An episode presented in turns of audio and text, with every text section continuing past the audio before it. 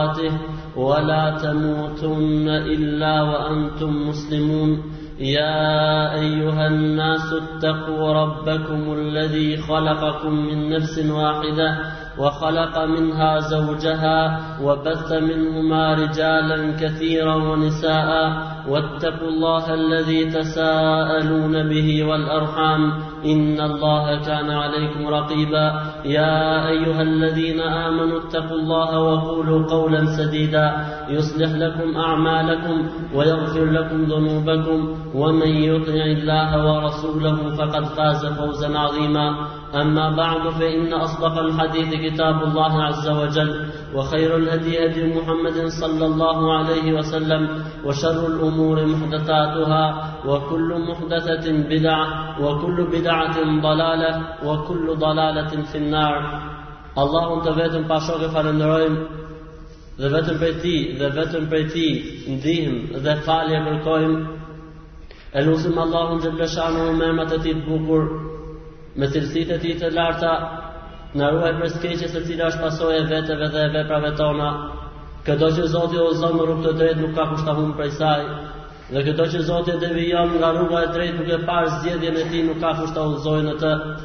Dëshmoj dhe deklaroj se nuk ka zot tjetër i cili meriton me të drejtë të adhurohet vetëm se Allahu i vetëm pa shok dhe se Muhamedi sallallahu alaihi wasallam është robi i Zotit dhe i dërguari i tij.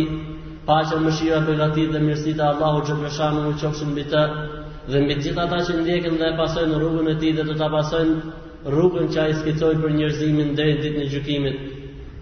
Allahu xhelleshanuhu i plotfuqishmi krijuesi i gjithëpushtetshmi na drejtohet në Kur'an dhe thotë o ju të cilët keni besuar frikësojuni Allahut ashtu siç i takon Allahut t'i frikësoheni atij dhe se vdekja mos u gjejë vetëm se duke qenë muslimanë në fenë islame gjithashtu Zoti xhelleshanuhu nëpërmjet Kur'anit famëlartë i drejtohet mbarë njerëzimit dhe thotë O ju njerëz, frikësojuni Zotit tuaj, i cili u krijoi juve prej një veteje të vetme, e prej tij krijoi bashkëshorten e tij, dhe prej këtyre të dy bashkë krijoi shumë burra dhe gra. Frikësojuni Allahut me emrin e të cilit përbetoheni. Ruajeni lidhjet farefisnore ndërmjet jush. Padyshim, Allahu është mbi ju mbikëqyrës.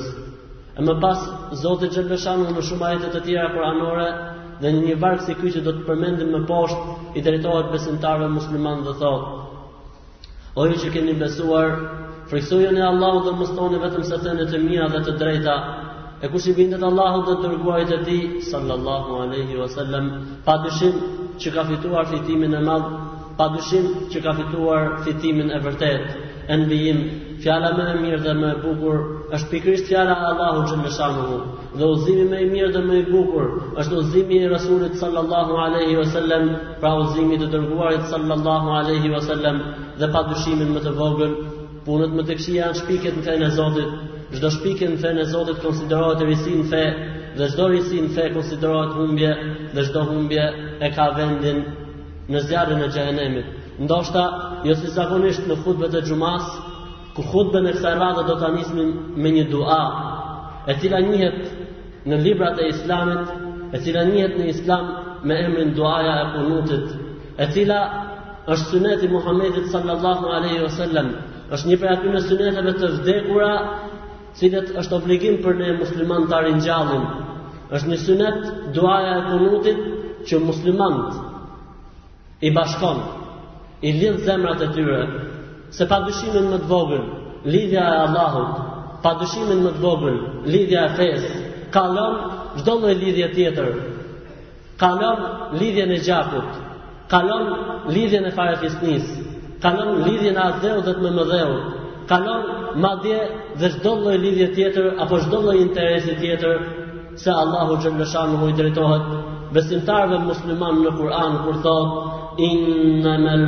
mu'minuna ikhwa Pa dyshim thotë Zoti që besimtarët janë vëllezër, kudo qofshin ata, në lindje ose në perëndim, në veri ose në jug, duke filluar me Malajzinë apo me Kinën dhe duke mbaruar me Andaluzinë e largët, duke filluar me Skandinavinë, apo vendin më të largët nga veriu dhe duke mbaruar me vendin më të fundit nga jugu, të gjithë besimtarët pa dyshimin më të vogël janë vëllezër. E kjo lloj duaje dhe kjo lloj lloj lutje dhe ky lloj syneti prej syneteve të Muhamedit sallallahu alaihi wasallam e ringjall pikërisht vëllazërinë dhe i bën muslimanët që të jetojnë me njëri-tjetrin kudo që janë.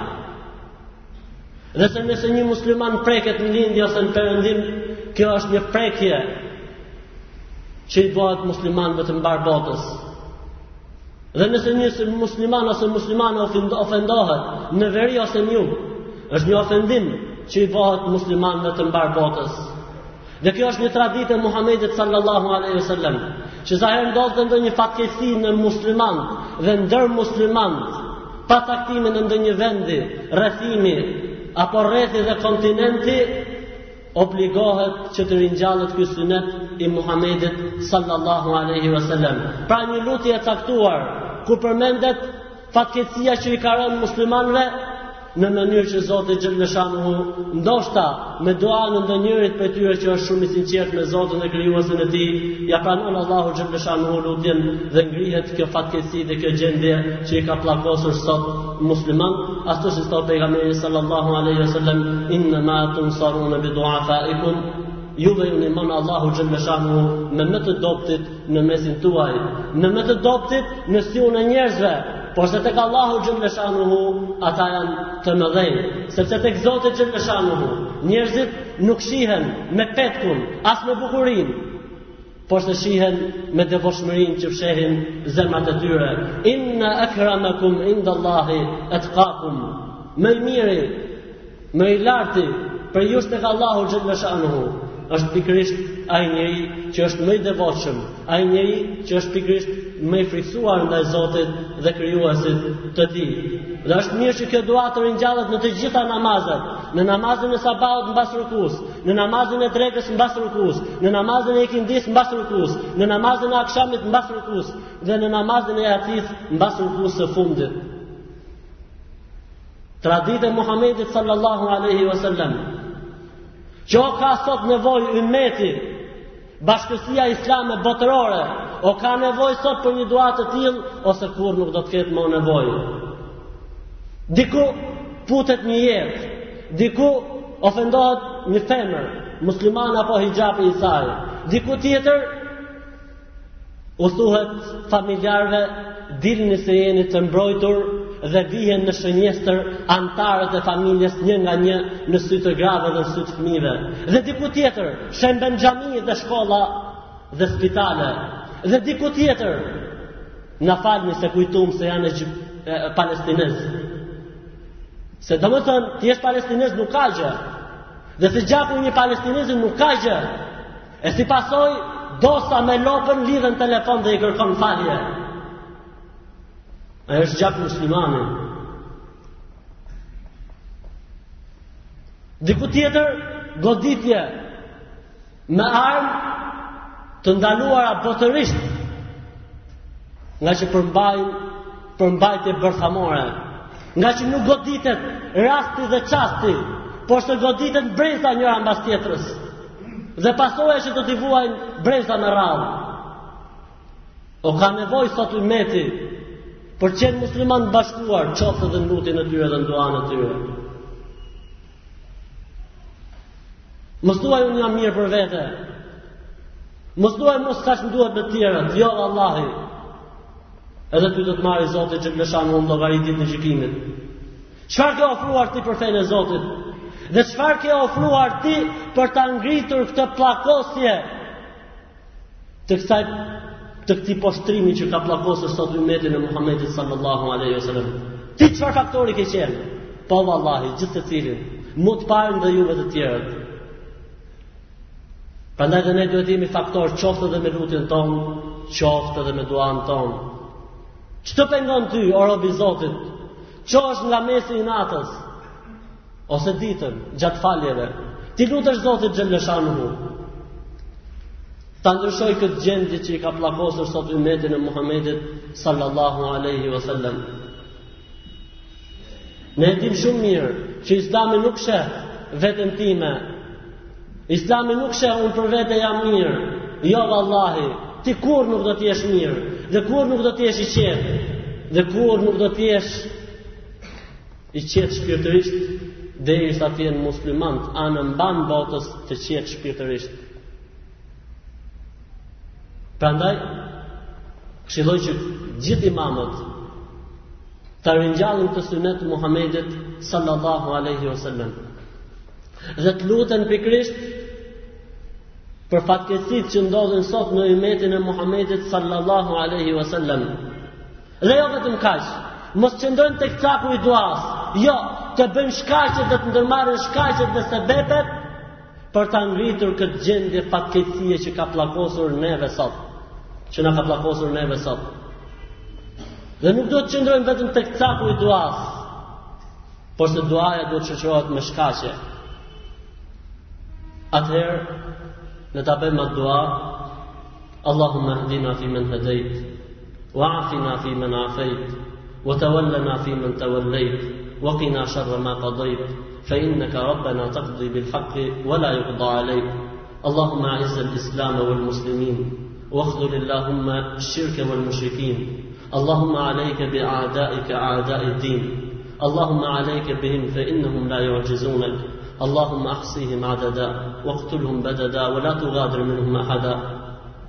O Allah, të lutemi ty o Zot, që të na udhëzosh ndër ata që ti i ke udhëzuar mirë. Dhe të na japësh mirësi dhe begati, shëndet dhe mirësi, ashtu siç ke dhënë robëve të tu të tjerë të mirë. Të lutemi ty o Allah, që të na mbrosh nga çdo e keqe dhe nga çdo fatkeqësi. Të lutemi ty o Zot, që të na ruash neve prej përcaktimit që mund të jetë i idhët dhe jo i dashur për ne o Zot i madh o Allah ngreje lartësoje islamin dhe muslimanët kudo që janë o Zot i madh shkatërroji dhe poshtëroji të gjithë ata që mundohen të luftojnë islamin dhe muslimanët Kushdo qofshin dhe sado të fortë qofshin. O Zot, na bëj neve prej atyre që i ndihmojnë vëllezërit e tyre me lutjet e tyre dhe me duatë e tyre. O Zot, na bëj neve prej atyre njerëzve që do ta kuptojnë fenë e vërtetë të Zotit Xheleshanuhu, ashtu siç ka zbritur në librin e tij dhe në sunetin e Muhamedit sallallahu alaihi wasallam. Kjo dua në namazet e ditës, edhe nëse janë namaze pa zë, në rekatin e katërt mbas rukuje, bëhet me zë. Atëherë, le të kthehemi edhe një herë tek ajo temë që ke, e kemi nisur para muajit të Ramazanit, dhe do ta vazhdojmë inshallahu teala, dhe duhet që të gjitha temat të hedhin ujë pikërisht te kjo temë.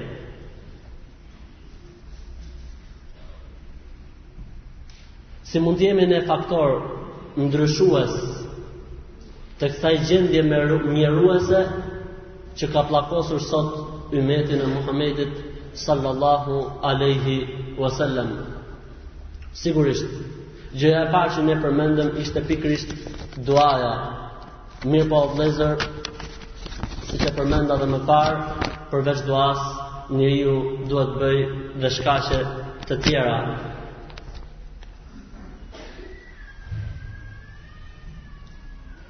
Prej këtyre shkaqeve, është që njeriu besimtari musliman duhet të mësojë dhe duhet të dijë se ai nuk mashtrohet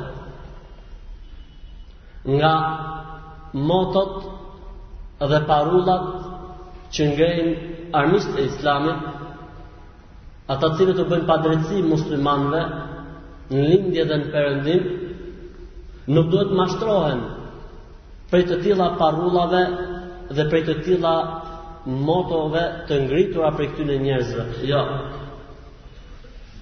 Në të vërtetë o vëllezër, nuk është gjë tjetër vetëm se përsëritje e të njëjtave parulla që ka përdorur Firaoni me Musain alayhi salam. Unë do të përmend parullat që ka përmend Firaoni dhe ju do t'i zbatoni parullat e Firaonit pikërisht në padrejtësinë dhe në padrejtësitë që u drejtohen sot muslimanëve. Ja për shembull, Ka thënë Firauni, siç e ka përmend Allahu në Kur'an, wa la urikum illa ma ara, wa la ehdikum illa sebile rreshad. Nuk shoh të arsyeshëm vetëm se mendimin tim, dhe nuk ju udhëzoj vetëm se për atë që është më e mira, Zbatimin bëjeni vetë. Atadharu Musa wa man ma'ahu li yufsidu fil ard. Thanë shokët e Firaunit. Vallë, do ta lësh Musain dhe ata që janë me Musain, pra besimtarët, që të sjellin shkatërrim në tokë, Profet prej profetëve të Zotit dhe nxënësit e tij dhe besimtarët me të do të sjellin terrorizëm dhe shkatërrim në tokë. Profeti i Zotit Allahu don shkatërrim në tokë. Allahu pse solli profetin? Pse i solli besimtarët? Pse i zbriti librat? Vetëm që jeta e kësaj bote deri në ditën e gjykimit të kalojë normale. Wallahu la yuhibbu al-fasad. Allahu nuk e don kurrë shkatërrimin në tokë. Porse këto janë parulla dhe moto të gatshme. I kanë marrë prej profesorit të tyre që quhet Firaun. La'anahu Allah, mallkimi i Zotit qoftë mbi të dhe mbi gjithë ata që ndjekin rrugën e tij deri në ditën e gjykimit.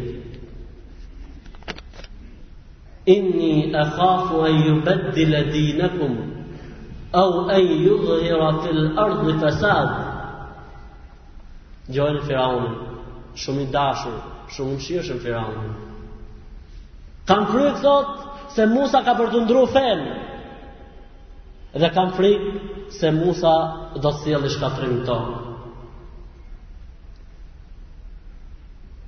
Besoj se janë të njëjtat parulla, besoj se janë të njëjtat moto që përdoren në çdo kohë kur bëhet fjalë për të luftuar të pambrojturit, kur bëhet fjalë për të vënë në qitje njerëz në xhami, kur bëhet fjalë për të prek ndere pasuri të muslimanëve, kur bëhet fjalë për të arsyetuar çdo lloj padrejtësie që i drejtohet muslimanëve. Mirëpo muslimani elhamdulillah, ai njeri që ka mësuar Kur'anin, ai që njeri që ka mësuar qoftë edhe një sure nga Kur'ani, Qoftë dhe surën El Fatiha apo surën Kul Huwallahu Ahad, nuk mundet që ndokush ta mashtrojë me të tilla mashtrime, se Zoti e ka lajmëruar besimtarin musliman se të tilla moto dhe parulla janë moto dhe parulla që janë hedhur më përpara nga mësuesi i tyre, nga profesori i tyre i madh Firauni, la'nahullah.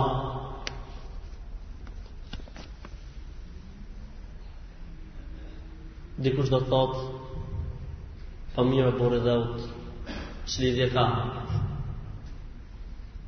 Ka lidhje shumë të madhe, lidhja është shumë e fortë. Për çfarë lidhje bën fjalë ti o vlla? A bën fjalë për lidhjen tonë me muslimanët e tjerë? Apo bën fjalë për lidhjen e temës me gjendjen tonë sot? Për të dyja ka lidhje. Dhe lidhja është shumë e fortë. Është lidhja e Zotit në Kur'an. Ai na ka lajmëruar se muslimanët janë vëllezërit tanë. Ai na ka lajmëruar se ato fëmijë që u vriten baballarët janë vëllezërit tanë. Dhe ato gra që mbesin të veja janë motrat tona. Dhe ai Zot na ka lajmëruar se ne jemi përgjegjës për çdo gjë që ndodh. A kemi qenë faktor ndryshimi për mirë apo jo? Po mirë. Çfarë lidhje ka me temën tonë? Po, ka lidhje me temën tonë se Zoti thotë kul huwa min indi anfusikum Thuaj, lajmëroji o Muhammed, sallallahu alaihi wasallam, lajmëroji njerëzit se çdo gjë që u ndodh atyre, lajmëroji besimtarët se çdo gjë që u ndodh atyre, u ndodh për shkak të veteve të tyre. In tansurullaha yansurkum wa yuthabbitu aqdamakum. Nëse ju me të vërtetë do ta ndihmoni Allahun, Allahu s'ka nevojë për ndihmën tonë. Fenë e Zotit, Allahu do t'u japë juve ndihmë. Allahu do t'u japë juve ndihmë nëse ju e ndihmoni fenë e Zotit.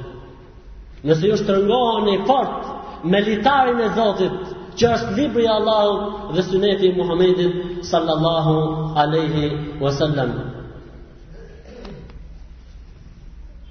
Gjithë e dëshirojmë ndihmën e Zotit, begatitë dhe mirësitë e Tij, Mirëpo, kur shef sot gjendjen e muslimanëve, kontrolloji pak muslimanët në çështjen më të rëndësishme dhe çështjen më të madhe që është teuhidi, monoteizmi, njësimi i Zotit në adhurim, kontrolloji. Dhe do të gjesh çudira. Do të gjesh paganizma nga llojet dhe format më të ndryshme. Atëherë ky grup njerëzish si mund të presin ndihmë nga Zoti? Kontrolloji pak muslimanët në çështjen e xhumasë dhe pesë vakteve. Do të gjesh çudira. Atëherë si këto njerëz kërkojnë ndihmë prej Zotit? Kontrolloji muslimanët në çështjet e agjërimit apo çështjet e tjera të adhurimit të Zotit xhele shanuhu. Do t'i gjesh përtokë.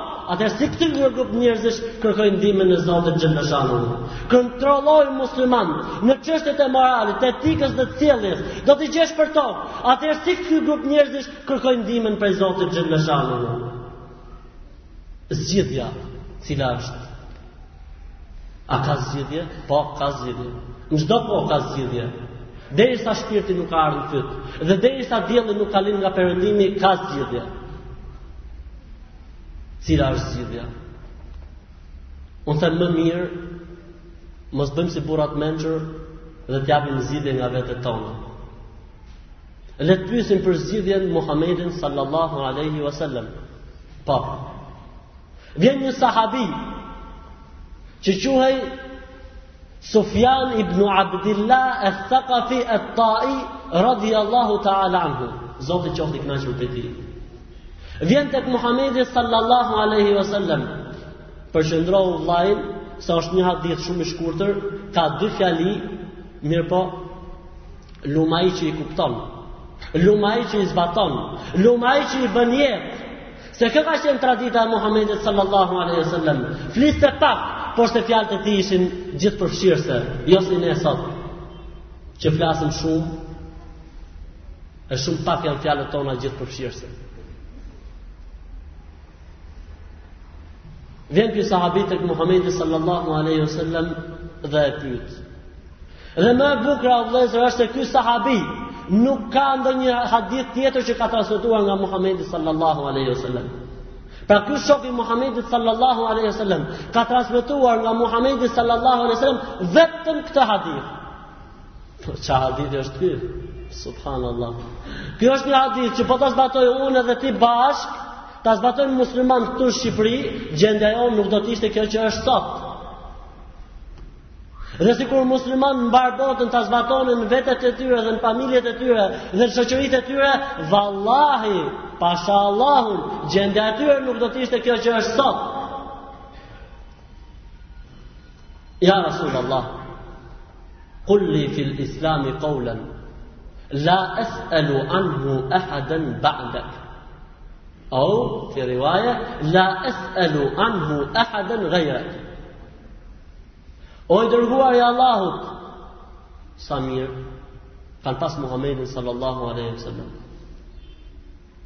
i drejtoheshin Muhammedit sallallahu alaihi wasallam dhe zgjidheshin problemet. Po megjitha, megjithatë ne sot kemi Kur'anin, librin e Zotit dhe sunetin e Muhammedit sallallahu alaihi wasallam. Rruga ndoshta është disi më e gjatë, porse zgjidhja është O i dërguar i Allahut, dua të të pyes për një thënie, për një porosi, për një këshillë në Islam.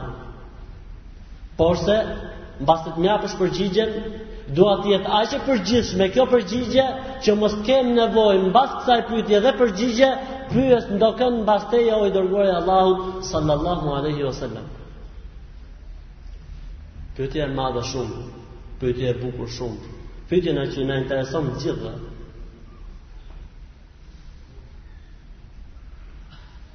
Përgjigjet Muhamedi sallallahu alaihi wasallam që ne e dimë shumë mirë që ai përgjigjet nuk i jepte nga vetja e tij, porse i jepte me urdhër dhe shpallje që i vjen nga Zoti i gjithësisë. Qul amantu billahi thumma istaqim. Thuaj, kam besuar në Allahun dhe qëndro i palëkundur në këtë fjalë. Kul, amentu billahi, thumme stekim. Thuaj, kam besuar në Allahun, pastaj bëj istikamet, pra qëndroji kësaj fjale, Se të thuash kam besuar në Allahun, nuk është një dëshirë. As nuk është diçka që e themi, edhe mjaftohemi me kaq. Jo, duhet të qëndrosh. Duhet të jesh i palëkundur në këtë fjalë. Se kur thuash kam besuar në Allahun, dhe kjo fjalë buron nga zemra jote, prit sprovat që do të vinë nga Zoti i gjithësisë për të parë besimin tënd, se a je me të vërtetë besimtar apo jo.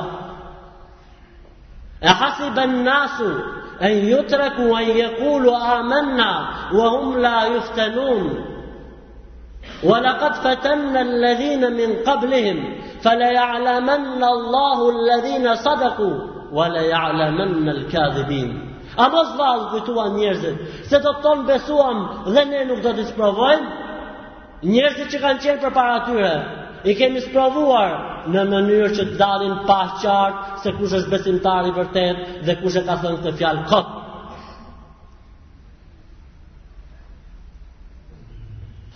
Thuaj besova në Allahun dhe qëndroji. Përmbaju, mos u lëkund,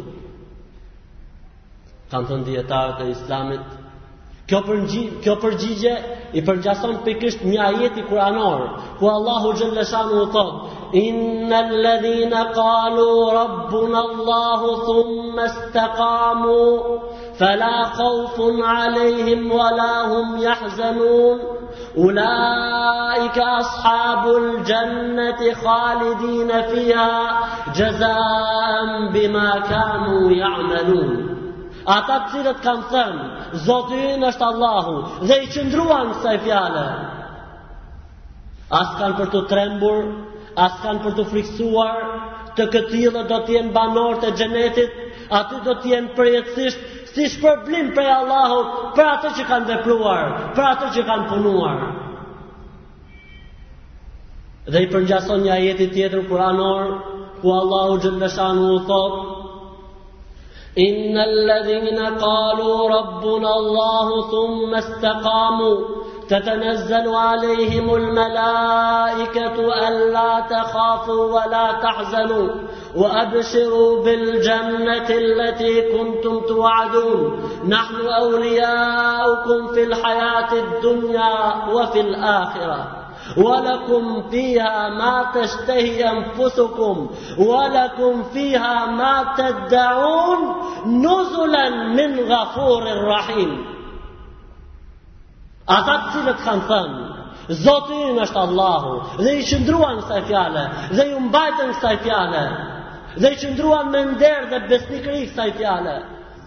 Në çastet e vdekjes, në ato çaste ku njeriu ka shumë nevojë për ndihmën e Zotit xhelleshanuhu, do u zbresin melaiket e Allahut dhe do t'u thonë, mos u tremni, mos u friksoni, ne kemi qenë miqtë tuaj në jetën e dynjasë dhe në ahiret.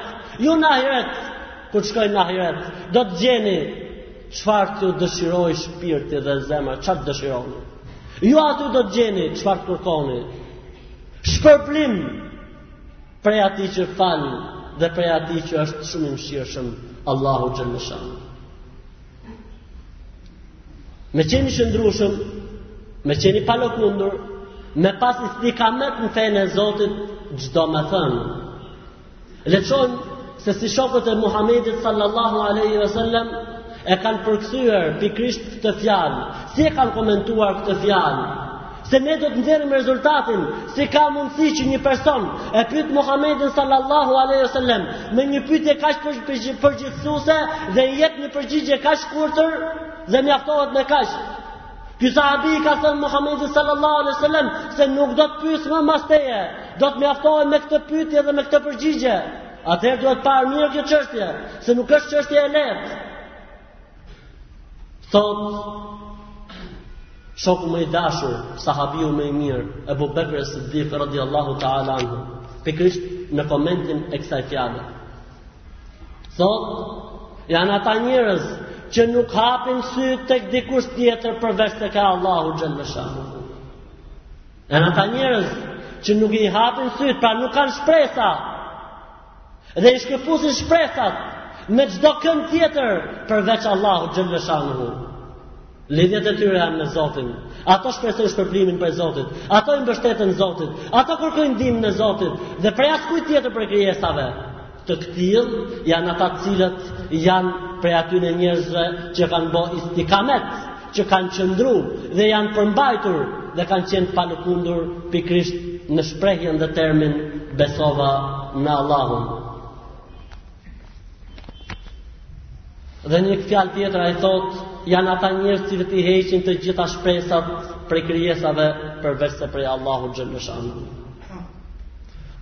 Tefsiri i Farukut Kush është Faruku i këtij ummeti? Omeri radiallahu ta'ala anhu. Është quajtur Faruk sepse ai ndante të vërtetën nga e kota, radiallahu anhu. Çfarë ka thënë Omeri, paqja kënaqësia e Zotit xhelleshanuhu qoftë mbi të. Janë ata të cilët thotë qëndrojnë në fenë e Zotit xhelleshanuhu dhe nuk bëjnë dredhi si dredhitë e dhelprës. Janë ata të cilët qëndrojnë në fenë e Zotit xhelleshanuhu dhe nuk bëjnë dredhi si dredhitë e dhelprës. Allahu qoftë i kënaq prej teje, Omer, radiallahu anhu. Ibn Abbas, deti i dijes dhe komentatori më i madh i Kur'anit, thotë, janë ata njerëz të cilët qëndrojnë të palëkundur në zbatimin e urdhrave të Allahut xhelleshanuhu.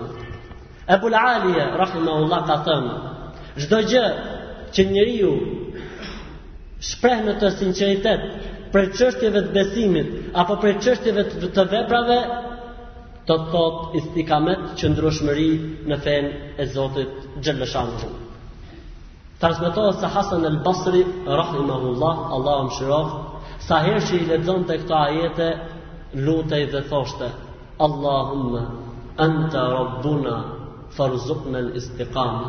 O Allah, ti je Zoti ynë, o Allah, na bëj neve që të kemi qëndrueshmëri në fenë tënde, na bëj neve o Zot të palëkundur në fenë tënde.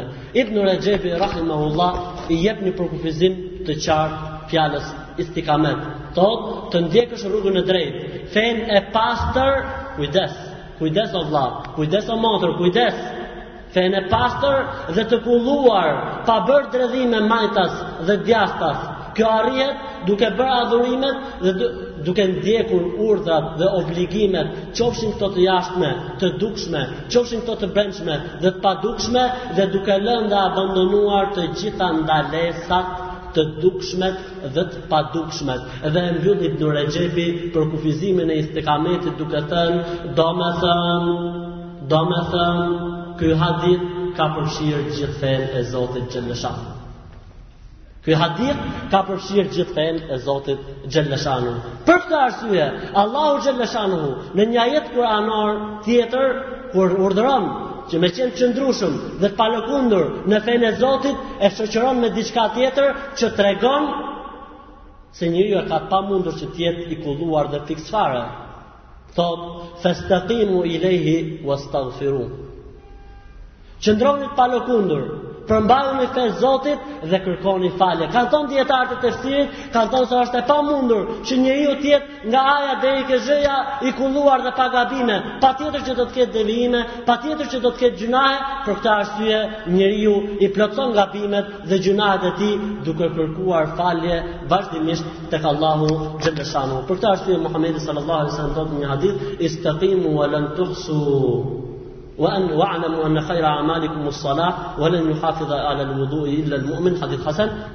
Pra ka thënë pejgamberi sallallahu alaihi wasallam, jini të përmbajtur, qëndrojini fjalës, kemi thënë besuam dhe mos devijoni, porse dijeni se nuk keni mundësi ta bëni të tërën, për këtë arsye thotë, dijeni se puna më e mirë që bën besimtari është namazi dhe se ruajtja e abdesit është shenjë për besimin. Prandaj dhe me të drejtë është thënë, besimi nuk do të jetë i plotësuar dhe i rregulluar derisa zemra të jetë e drejtuar dhe e rregulluar dhe se zemra e njeriut nuk do të jetë e rregulluar dhe e drejtuar vetëm se pasi të drejtohet gjuha e njeriut që tregon se Zemra, gjuha, drejtimi i njeriut, të gjitha këto kanë lidhje dhe se s'mund të shkuputen njëra nga tjetra. Gjithashtu, me të drejtë është thënë se dikush kur flasim kështu kujton se është diçka e zemrës. Jo, vëlla, ka të bëjë me zemrën, ka të bëjë me gjuhën, ka të bëjë me moralin, ka të bëjë me të gjitha. Porse është veçuar në disa thënie si kjo që unë do ta përmend më poshtë, gjuha, se ajo lihet pas dore zakonisht dhe se ajo lihet e lirë zakonisht dhe se njerëzit asaj nuk i tregojnë Kujdes, zakonisht për këtë arsye do ta mbyll me këtë thënie që thotë në çdo mëngjes Pra është thënë, është thënë, në çdo mëngjes të gjitha gjymtyrët i drejtohen gjuhës dhe e mallkojnë atë duke i thënë, frikësoju Allahut në çështjen tonë, se ne jemi me ty dhe për ty, qoftë se ti do të jesh e rregulluar dhe e drejtuar, ne të gjithë do të shpërblehemi dhe do të shpëtojmë dhe nëse ti nuk do të jesh e drejtuar dhe e rregulluar, ne do të dënohemi për shkakun tënd. Pra istikameti është diçka që përfshin të gjithë jetën e njeriu. Porse e përmendim dhe njëherë, u përmend gjuha sepse shumë njerëz kujtojnë se çështjet e gjuhës dhe të folurës nuk janë prej atyre çështjeve që njeriu do të merret në llogari. A'udhu billahi minesh shejtanir raxhim.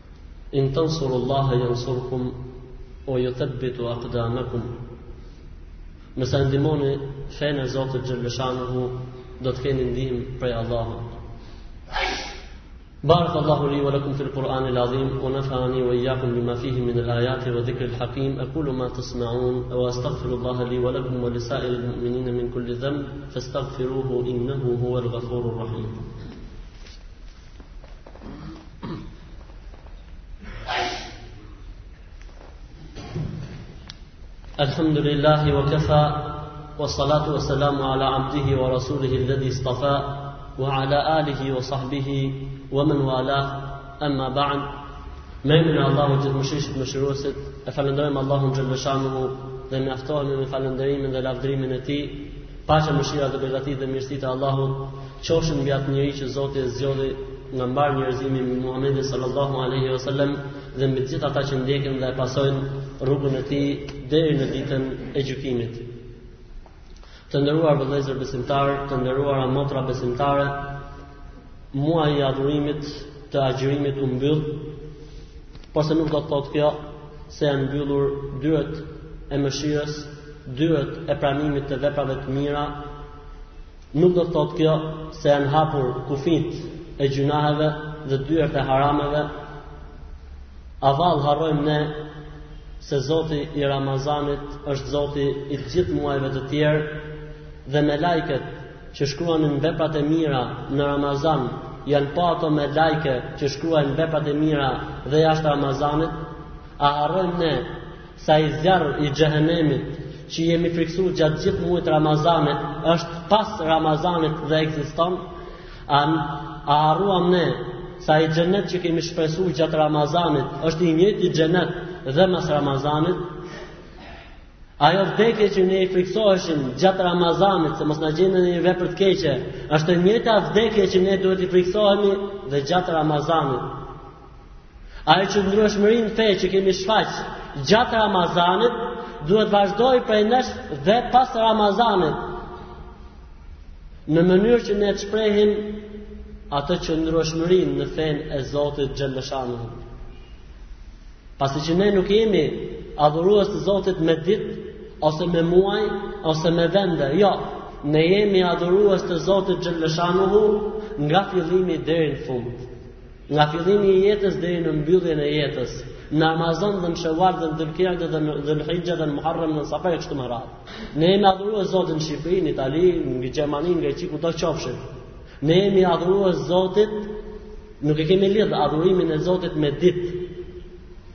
S'e kemi lidh me ditë. Ne jemi adhurues të Zotit, po ka muaj që Adhurimi bëhet më i madh. Ka kohë që adhurimi bëhet më i madh, por se s'do të thotë kjo se adhurimi mbaroi dita ose mbaroi filan kohë, edhe mbyllen dhe dyert e adhurimit të Zotit Xheleshanu. Nëse ti o vllai im, nëse ti o motra ime, do të vazhdosh me veprat e mira edhe mbas Ramazanit, ky është argument inshallah, a me shpresën ke Zoti se vulë nuk kemi, Absolute i takon Zotit. Është argument inshallah se agjërimi i Ramazanit dhe adhurimet gjatë Ramazanit ty t'i ka pranuar Allahu xhallashanu. Për këtë arsye Muhamedi sallallahu alaihi wasallam thotë: "Ehabbul amali ila Allahi tebaraka ve taala adwamuha wa in qal." Puna më e dashur ke Allahu xhallashanu është ajo punë që është e vazhdueshme edhe nëse është pak. Ndërsa një njeri do të jetojë me hope, dikur bën shumë dhe pastaj shkëputet fare, atëherë është si shembulli i udhëtarit, i cili e lodh automjetin ose kafshën e tij në fillim të udhëtimit dhe kur arrin në gjysmë të udhëtimit, kafsha i ngordh, as udhëtimin nuk e plotëson, edhe vetë mbetet në mesin e rrugës. Për këtë arsye,